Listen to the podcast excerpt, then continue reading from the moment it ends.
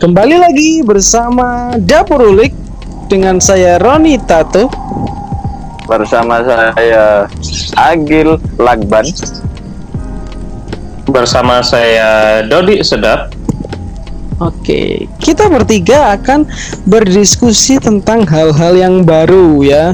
Selalu tentang hal baru. Nah, kalau yang di episode-episode sebelumnya kita berbicara hal-hal yang remeh-temeh, kemudian kita sempat membawa bintang tamu teman kita sendiri ya, pemilik dari pisang goyang. Kemudian kita juga pernah mendiskusikan hal-hal yang sangat sensitif. Di episode kali ini kita membawa topik yang berbeda ya.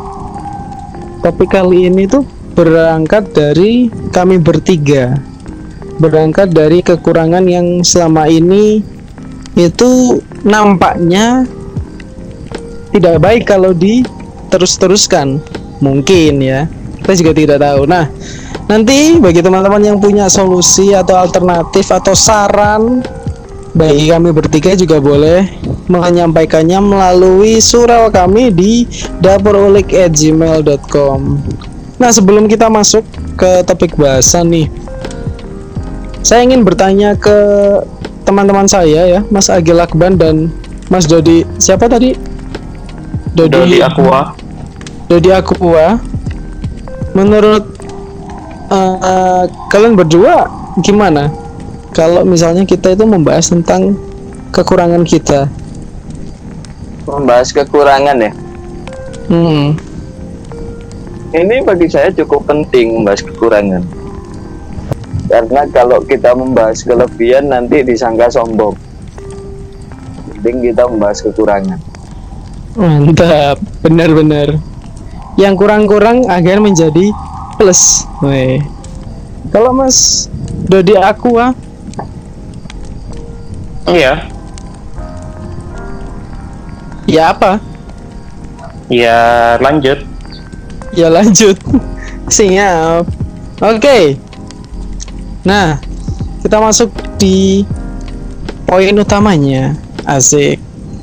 Jadi mungkin lebih enak kalau semuanya itu diawali dari yang paling senior ya.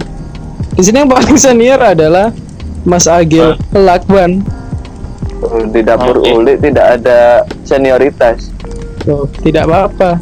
Yang penting saya dan Mas Dodi junior Anda. Oke, kalau Ini dari Mas mulai gimana? Hah?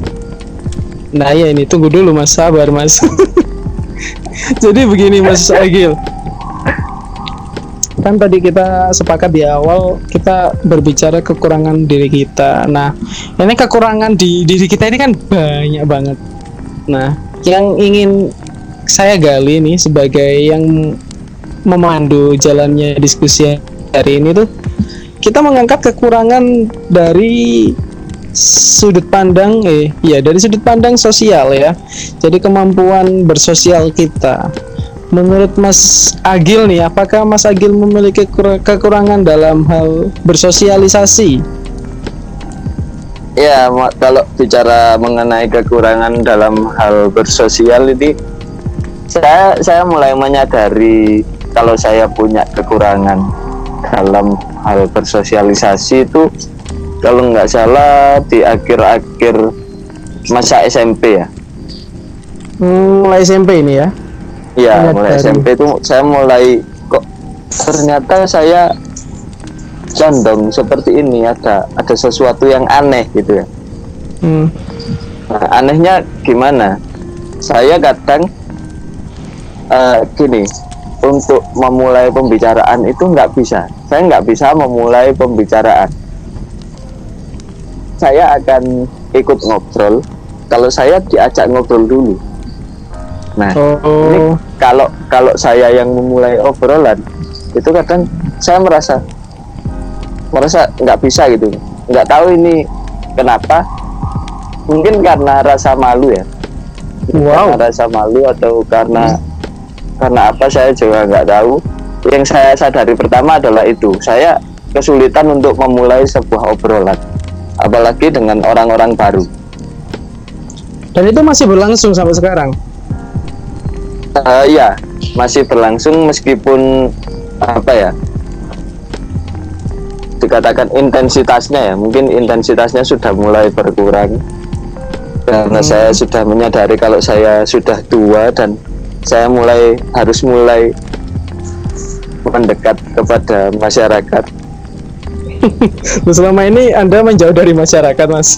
Nah, iya, bisa dibilang saya selama ini lebih memilih untuk menjauh dari masyarakat. Loh, ada apa dengan masyarakat, Mas? Nah, ini juga aneh sih. Saya orang yang ketika pasti hari-hari ini kan sering kan ada itu ada ronda gara-gara apa PSBB dan kawan-kawan ini kan sering mulai sering lagi diadakan ronda dan semacamnya. Hmm. Nah itu kemarin saya pernah pernah keluar untuk beli makanan. Beli makanan itu saya kalau nggak salah melewati tiga pos ronda yang pada waktu itu sama-sama aktif. Itu kan jelas tiga pos ronda ini rame kan. Ketika melewati itu, saya saya malah berpikir bagaimana saya menghindari tiga pos ronda itu. Gimana ya? Bukannya nggak mau disapa, tapi saya kok kok ada sedikit rasa apa ya? Rasa takut atau kalau yang saya rasakan sepertinya takut, tapi entah kenapa rasa takutnya ini saya belum tahu gitu. Itu perlu Hmm. saya saya gali lagi. Kenapa sih saya takut? Padahal kan sama-sama manusia. Hmm. Hmm. Oke oke. Kalau takut ini kalau menurut Mas Dodi kira-kira Mas Agil ini takutnya karena apa? Karena akan bertemu hantu atau karena apa kira-kira?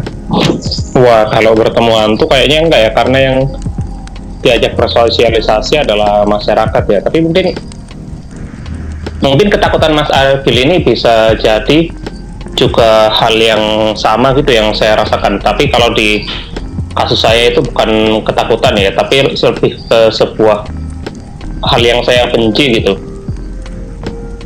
Apa yang Mas Dodi benci? Hmm, kalau saya saya sendiri saya bukannya benci bersosialisasi ya, tapi saya lebih lebih benci berbahasa basi. Oh, Di mana saya merasa bahasa basi itu tidak ada tujuan yang benar-benar jelas dan tidak ada tujuan yang benar-benar konkret dan kebanyakan terlebih kalau kita basa-basi dengan orang yang memang bukan termasuk orang yang dekat dengan kita dalam konteks pertemanan dan lain sebagainya saya merasa basa-basi ini benar-benar tidak akan membawa dampak yang positif kepada dua belah pihak. Mungkin hanya akan membunuh waktu seperti itu tapi baik secara apa ya pemenuhan kebutuhan untuk bersosialisasi dan lain sebagainya itu tidak akan memberikan dampak positif terlebih di kasus saya begitu Iya ya. Tapi tidak benci bilang cinta kan? wah enggak itu raja dong Oke oke. Iya. Ah, tapi ini saya jadi ada pertanyaan lagi untuk Mas Dodi dan mungkin Mas Agil juga punya jawaban ya. Ah, kalau menurut Mas Dodi tadi kan ah, basa-basi itu hanya untuk membunuh waktu.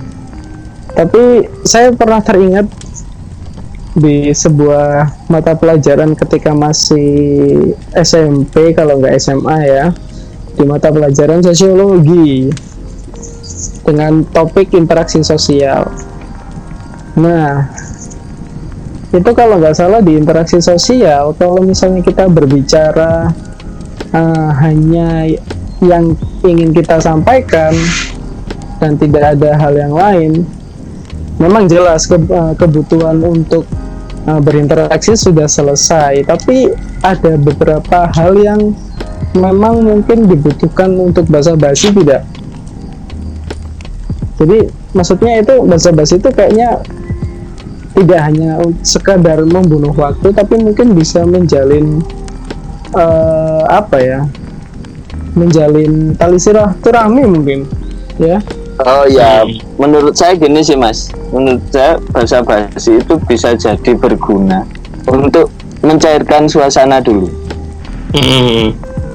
itu kalau Iya, iya, iya. menurut saya apalagi kalau kepentingannya misal nih kepentingannya adalah mau pinjam uang mau berhutang itu untuk berhutang itu selalu ada bulat-bulat ada logika yang spiral gitu loh.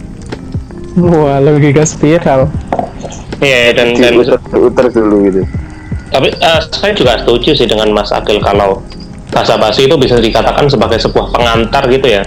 Untuk mencairkan suasana Iya. terlebih dahulu untuk sebelum kita langsung menuju ke poin utama pembahasan. Dan itu memang wajar karena memang sebuah pengantar itu diperlukan ya. Tapi eh, basa basi yang saya maksud itu bukan basa basi yang digunakan sebagai pengantar untuk membicarakan hal yang lainnya yang menjadi maksud atau tujuan utama pembicaraan. Hmm. tapi lebih ke katakanlah contoh kasusnya seperti ini. Jadi pada satu ketika waktu itu saya sedang eh, bepergian ya naik kereta api jaraknya cukup jauh jadi saya memilih untuk menghabiskan waktu saya untuk membaca buku waktu itu saya Bandung Surabaya. kenapa Bandung Surabaya Bolehkah naik dengan percuma? oke oke sorry sorry. Ya, jadi seperti itu waktu saya bepergian itu saya memilih untuk membaca buku untuk membunuh waktu ya Hmm. karena waktu itu memang kebetulan saya membawa buku yang saya sukai waktu itu akhirnya saya menghabiskan waktu untuk membaca buku. Nah ketika saya sedang membaca buku itu ada orang yang sebenarnya tidak duduk di sebelah saya waktu itu tapi eh, jadi orang itu waktu itu eh, pindah tempat duduk karena kebetulan di tempat saya kosong. Lalu tiba-tiba orang itu mengajak saya bersosialisasi. Itu tapi eh, itu kan tidak ada tujuan yang jelas kan? Dan setelah kami bersosialisasi pun memang tidak ada tujuan yang jelas dari orang itu hanya hanya sekedar ingin bertanya saja untuk hanya sekedar ingin berbicara. Nah maksud saya kan eh, yang menu- yang membuat saya sangat apa ya merasa benci ketika kejadian itu berlangsung adalah yang pertama karena saya sedang beraktivitas saya sedang membaca dan lain sebagainya. Lalu ada orang yang melakukan interupsi tapi orang ini bukannya tertarik dengan apa yang saya baca atau kegiatan yang saya baca tapi membicarakan hal yang memang menurut saya tidak ada tidak ada tujuan yang jelas. Hanya sekadar ingin berbicara saja. Dan di kasus lain yang saya temui saya dulu juga pernah waktu itu eh, bepergian juga. Tapi saya tidak membaca waktu itu hanya mendengarkan lagu saya. Dan ada orang yang mengajak saya berbicara begitu. Dan awalnya kita berbicara hal biasa saja seperti pendidikan dan lain sebagainya yang di mana saya juga suka topik-topik seperti itu. Tapi pada suatu kali orang ini tiba-tiba membicarakan soal anaknya yang berkuliah di perguruan tinggi tertentu. Nah eh, mungkin saya memahami mungkin ini adalah suatu kebanggaan gitu ya untuk orang tersebut karena anaknya ini sudah bisa masuk dan melakukan studi di salah satu perguruan tinggi yang menurut orang ini merupakan perguruan tinggi yang bereputasi. Tapi coba dikembalikan ke diri kita sendiri. Kalau ada orang lain yang mengajak kita berbicara dan tiba-tiba membicarakan prestasi anaknya, lalu kita harus apa? Kita tidak kita tidak tahu anaknya, kita tidak tidak tahu harus berbuat apa. Lalu kalau memang anaknya masuk perguruan tinggi itu, masuk perguruan tinggi itu, lalu efeknya apa untuk kita kan tidak ada ininya, tidak ada apa ya, tidak ada poin yang jelas gitu. Kalau menurut saya begitu sih. Hmm, mungkin itu maksudnya si bapak atau ibu atau siapa pun itu ingin anda kuliah lagi seperti anaknya mas. Eh, waktu itu saya masih kuliah mas. Oh berarti anda yang diminta untuk menarik. pindah jurusan. yang menarik menurut saya yang kasus pertama ya karena itu saya bisa menganggapnya kalau itu adalah sebuah gangguan gitu loh bahwa Hmm. orang yang mengajak Mas Dodi untuk berbicara pada itu pada kasus pertama adalah orang ini kenapa anda tidak paham dengan situasi dan kenapa Nah, nah, anda nah. tidak paham dengan privasi seseorang Nah, nah itulah yang yang itu itu itu menurut saya bisa saja sih sah Hmm, saja kalau Mas Dodi melakukan protes kalau me- memang mau tapi kan apa ya saya itu terbilang orang yang cukup sungkanan gitu ya ke orang dan ya kalau ada orang yang mengajak berbicara ya saya saya layani seperti itu. Tapi eh, itu juga salah satu alasan kenapa saya lebih suka menghabiskan waktu dengan diri saya sendiri. Bukan berarti karena saya tidak bisa atau tidak mempunyai kemampuan untuk bersosialisasi ya. Tapi saya lebih memilih untuk menghindari hal tersebut. Hmm, sih, sih, saya mengerti. Hmm, itu memang apa ya? Kalau situasinya apa di kendaraan transportasi apa transportasi umum dengan jarak tempuh yang jauh, ya mungkin beberapa orang punya caranya masing-masing ya. Termasuk Iya. tadi kan Mas Dodi dengan caranya seperti itu. Tapi mungkin juga ada orang yang dia lebih suka menghabiskan waktu dengan berbicara dan berbicaranya ke sana kemari topik apa pun dibicarakan termasuk topik tentang anaknya itu tadi. Iya. Nah saya juga sering mendapati situasi seperti itu gitu. Nah kalau kasusnya Mas Roni gimana sih Mas? Jadi kalau saya sebenarnya eh, ya hampir sama situasinya seperti yang disampaikan Mas Dodi. Hanya saya itu kayak lanjutannya gitu loh ya kalau Mas Dodi itu sebenarnya tidak nyaman jika diajak bicara. Lah kalau saya itu ya nyaman-nyaman aja diajak bicara. Tapi ketika dalam interaksi sosial tadi saya selalu sering kehabisan ide atau topik ya. Seperti ketika anak-anak ngobrol terus berbagi pengalaman lawan bicara menyampaikan prestasi-prestasi anaknya. Lalu saya apa yang saya banggakan? Saya tidak punya prestasi lalu saya tidak punya ide gitu. Saya sering kehabisan ide untuk bersosialisasi. Jadi saya lebih lebih sering itu kalau komunikasi ya apa yang ingin saya omongkan saya omongkan. Ketika sudah selesai ya sudah saya tidak ada topik lagi. Jadi ketika Mas Roni diajak bicara gitu, seandainya Mas Roni nggak punya topik itu, Mas Roni cuma merespon ya, nggak nggak me- memberikan counter argumen gitu ya. Iya, saya justru sering nggak tahu mau dibalas apa gitu. Sering Hmm. kehabisan ide. Takutnya nanti ketika saya membalas, eh malah menyakiti hati kan jadi berabe gitu loh. Jadi saya seringnya sih cuma oh gitu ya. Oh ya ya ya ya ya. Oh, nah, gitu aja respon saya. Berarti berarti Mas Roni ini bukan bukan tipe-tipe aktivis ya. Bukan saya aktifat.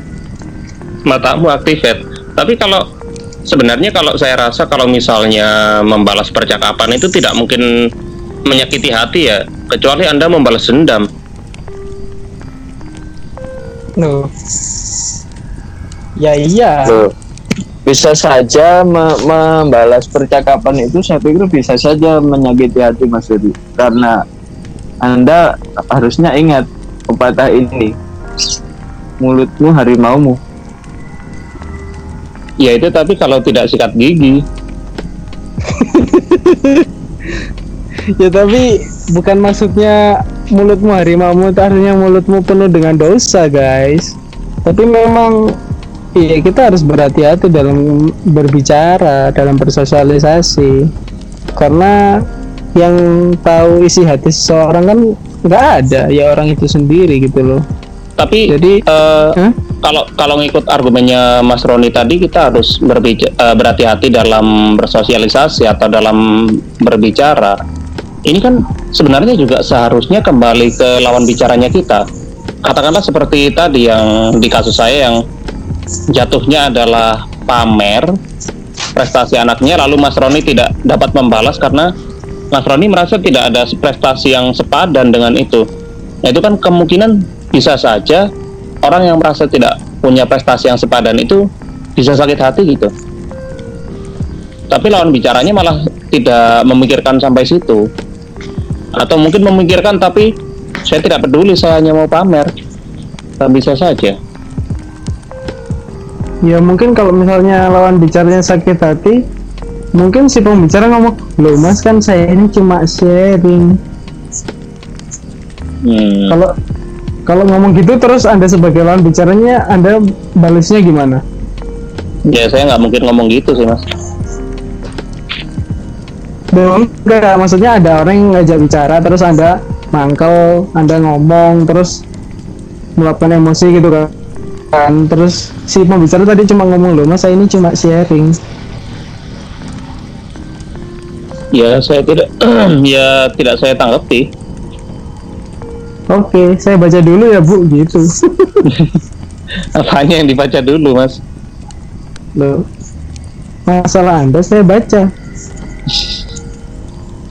Tapi Mas Oke. Dodi jadi ahli tarot. kenapa saya jadi Mama Lauren?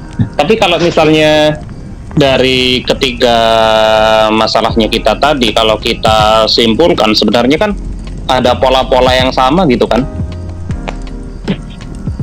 Mm-mm. Seperti tadi yang Mas Agil itu tidak uh, memilih untuk menghindari bersosialisasi. Lalu uh, kalau dari Mas Roni itu lebih memilih untuk tidak terlalu terlibat dalam sosialisasi dengan orang dengan banyak orang secara ramai lah ya atau orang yang tidak dikenal karena takut tidak tahu harus membalas apa atau tidak ada topik itu tadi. Dan saya lebih malas untuk berbahasa basi yang memang tidak ada tujuannya. Nah kalau misalnya kita lihat polanya dari pola ini tadi kan sebenarnya bukan kita yang tidak bisa untuk bersosialisasi kan? Tapi lebih ke kita memang membatasi diri untuk melakukan kegiatan tersebut Iya sih. Oke mengenai mengenai pembatasan ini ya. Ini mungkin saya mulai mulai menyadari ya. mungkin perkiraan saya kenapa saya mulai mengalami kesulitan untuk berkomunikasi ini sepertinya mungkin saya dulu eh, sudah memilih untuk memang memilih untuk menjauh. Itu karena apa ya mungkin memilih untuk menjauh ini tapi eh, itu saya lakukan secara setengah sadar setengah tidak. Mungkin karena saat itu saya saya masih masih tergolong kecil ya kan masih SMP kan waktu itu. Sepertinya ini sebab dari masa lalu saya yang mulai dari SD sampai SMP ini bisa dibilang eh, sedikit sedikit buruk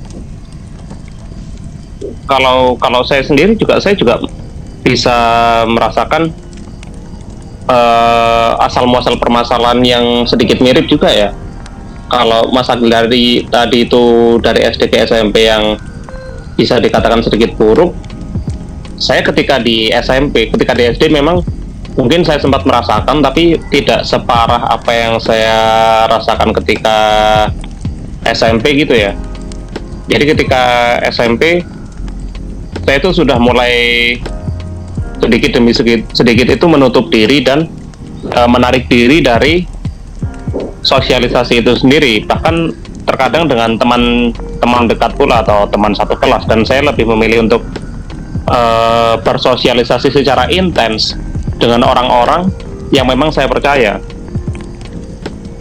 dan apa ya dulu dulu kalau kalau dari saya pribadi saya lebih cenderung untuk untuk selalu berintrospeksi dan jatuhnya lebih sering menyalahkan diri saya sendiri.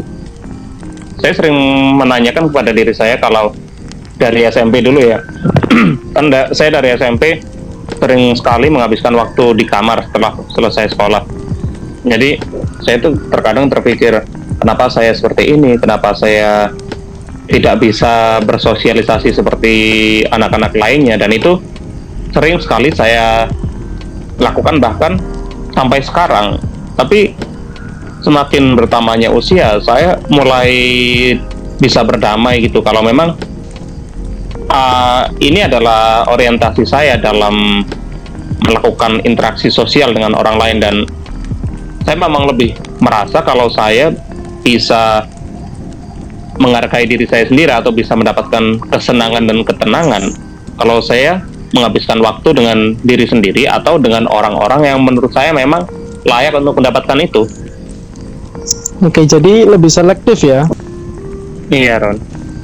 Iya, tapi memang sih kalau bersosialisasi itu ada yang mengatakan ya jangan pandang bulu. Kalau bersosialisasi ya dengan siapa saja tidak usah pilih-pilih. Tapi kita tidak bisa mengagalkan itu juga. Ada uh, poin selain kita tidak pandang bulu tapi memang kita harus mencari orang yang pas untuk diajak bersosialisasi. Hmm. Ya, saya bisa sepakat dengan itu. iya. Karena tidak semua orang juga sesuai atau sepemikiran mungkin atau satu sudut pandang dengan kita gitu kan. Hmm, hmm, hmm. Dan ada yang ada yang kita niatnya eh, apa? Niatnya hanya mengasih tahu informasi malah kalau diteruskan ngobrol dengan salah satu orang eh jatuhnya malah rasan-rasan. Ataupun jatuhnya malah dia menggurui kita. Padahal kan itu semua nggak perlu. Kita hanya niatnya awal hanya membagikan informasi. Ternyata balasannya kalau diteruskan bisa merembet ke mana-mana gitu kan?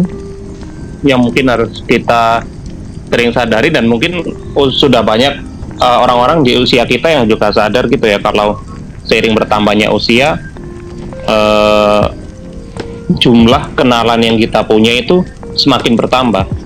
Tapi lingkaran pertemanan kita itu semakin mengecil dan itu kata-kata ini walaupun memang mainstream ya eh, siapa saja hampir hampir semua orang yang saya kenal juga sering kali menyebutkan kata-kata ini.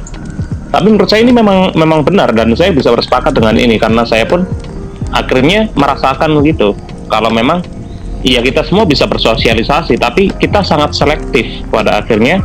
Kita akan sangat selektif dalam memilih individu-individu yang kita ajak untuk bersosialisasi secara intens begitu. Hmm. Iya sih. Nah, ini kalau kita kembalikan lagi di awal tadi kan kita berbicara tentang kekurangan. Nah, kalau dari Mas Agil dan Mas Dodi, menurut kalian berdua kekurangan yang tadi disampaikan itu perlu diatasi atau dibiarkan saja atau bagaimana? Mungkin dari Mas Agil dulu. kalau saya ya sejauh ini karena apa lingkungan saya ini sepertinya menuntut saya untuk untuk lebih terbuka saya pernah sekali dua kali untuk mencoba coba menuruti alur lingkungan saya tapi berkali-kali saya coba itu ternyata saya gagal. Nah di sini akhirnya saya, sadar gitu oh ternyata memang seperti ini gaya berkomunikasi saya. Dan ini akhirnya saya me- menyepakati bahwa ini sama sekali bukan kekurangan. Padahal kalau menurut lingkungan saya tabiat saya ini adalah kekurangan yang harus diatasi. Jadi saya sendiri akhirnya sadar gitu loh ini bukan kekurangan karena ya inilah inilah saya memang seperti ini mau diapakan lagi karena toh berkali-kali saya coba akhirnya saya gagal gitu loh Hmm. Mungkin oke. apa ya? Mungkin bukan bukan gagal ya kalau saya melihat dari ceritanya Mas Akil itu, tapi memang memang eh, apa ya? Memang itu bukan hal yang klik dengan Mas Agil, bukan hal yang memang sesuai untuk pribadi Mas Agil dan memang kalau tidak sesuai kenapa dipaksakan? ya anggap saja anggap saja puzzle ya puzzle itu ini ada satu kotak yang kosong tapi satu kotak yang kosong ini nggak bisa kita paksakan dengan puzzle yang tidak cocok bentuknya kan nggak nggak akan masuk kan hmm. Kalaupun Hmm. masuk mungkin akan merusak tatanan yang lain gitu loh Iya. Atau mungkin kalau mau Anda bisa membeli puzzle baru. Tuh, kenapa jadi berbicara puzzle?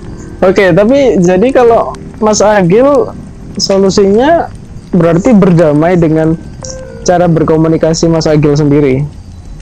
iya mau bagaimana lagi karena saya sudah berkali-kali gitu loh untuk mencoba me- menyesuaikan diri tapi toh pada akhirnya ya nggak bisa karena memang seperti itu sepertinya eh, settingan dari pabrik seperti itu Hmm.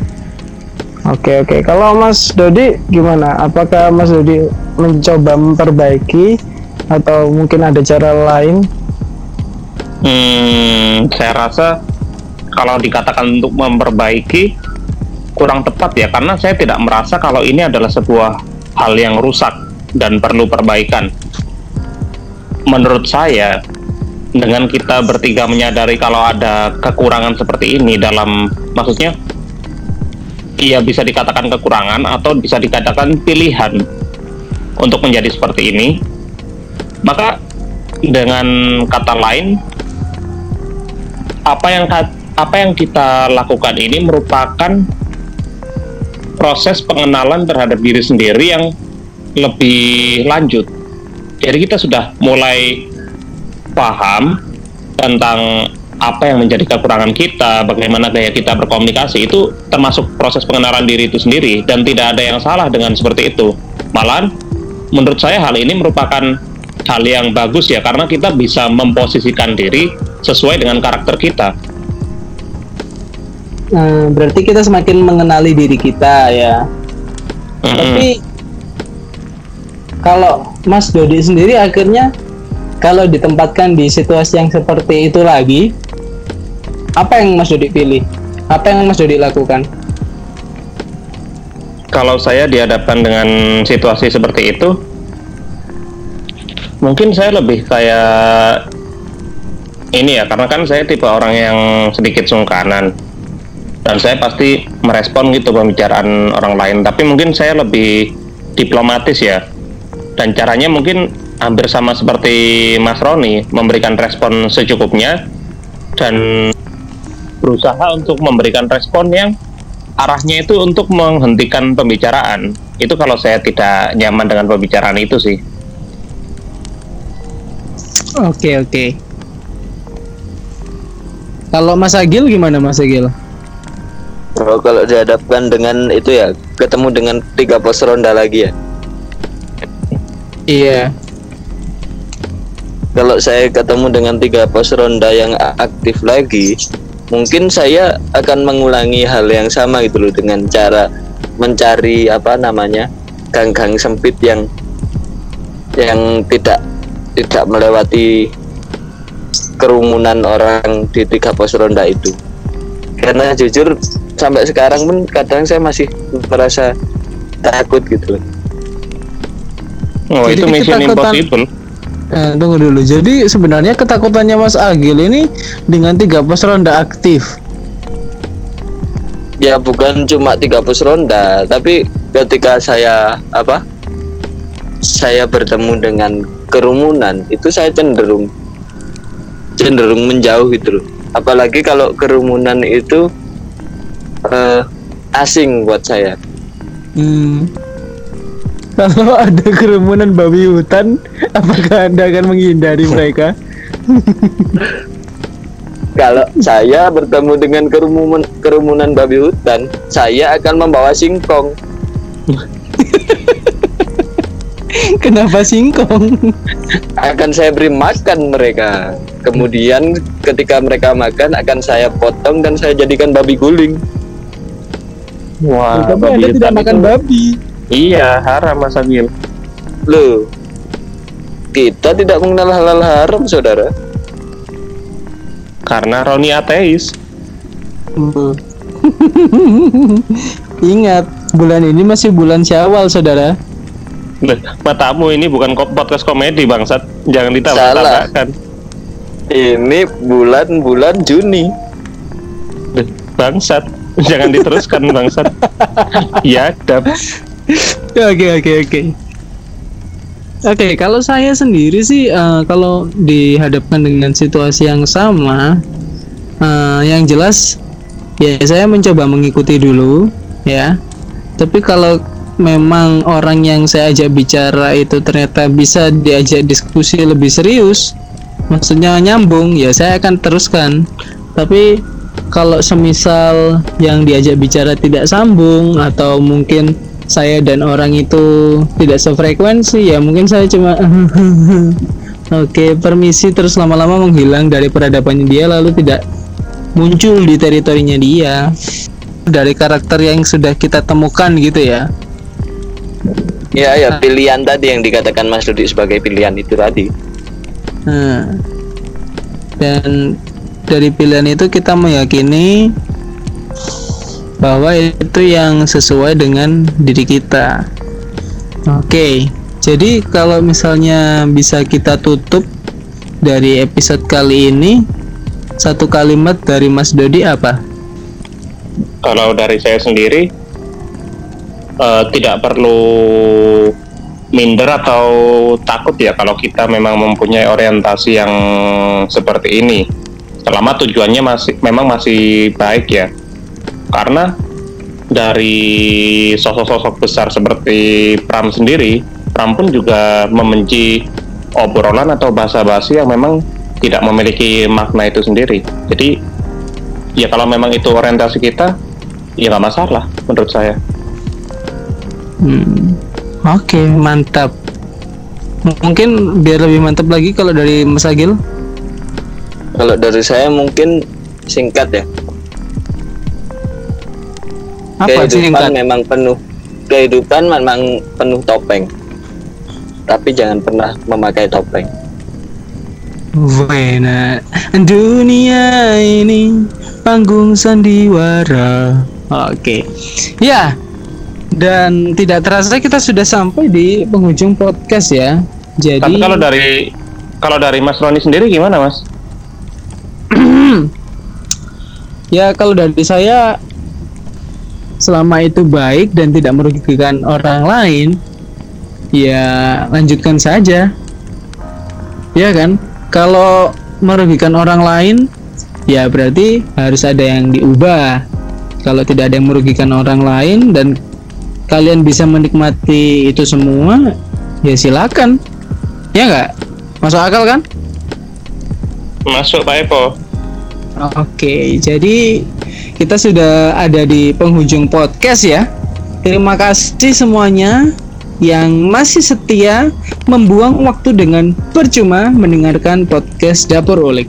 Bagi yang tidak suka atau bagi yang ingin memberikan masukan, komentar, hujatan, boleh langsung mengirimkan ke surel kami di dapurulik@gmail.com. Oke, sekian. Terima kasih. Saya Roni Tato pamit undur diri dan teman-teman saya Agil Akban. Dan Dodi Galon.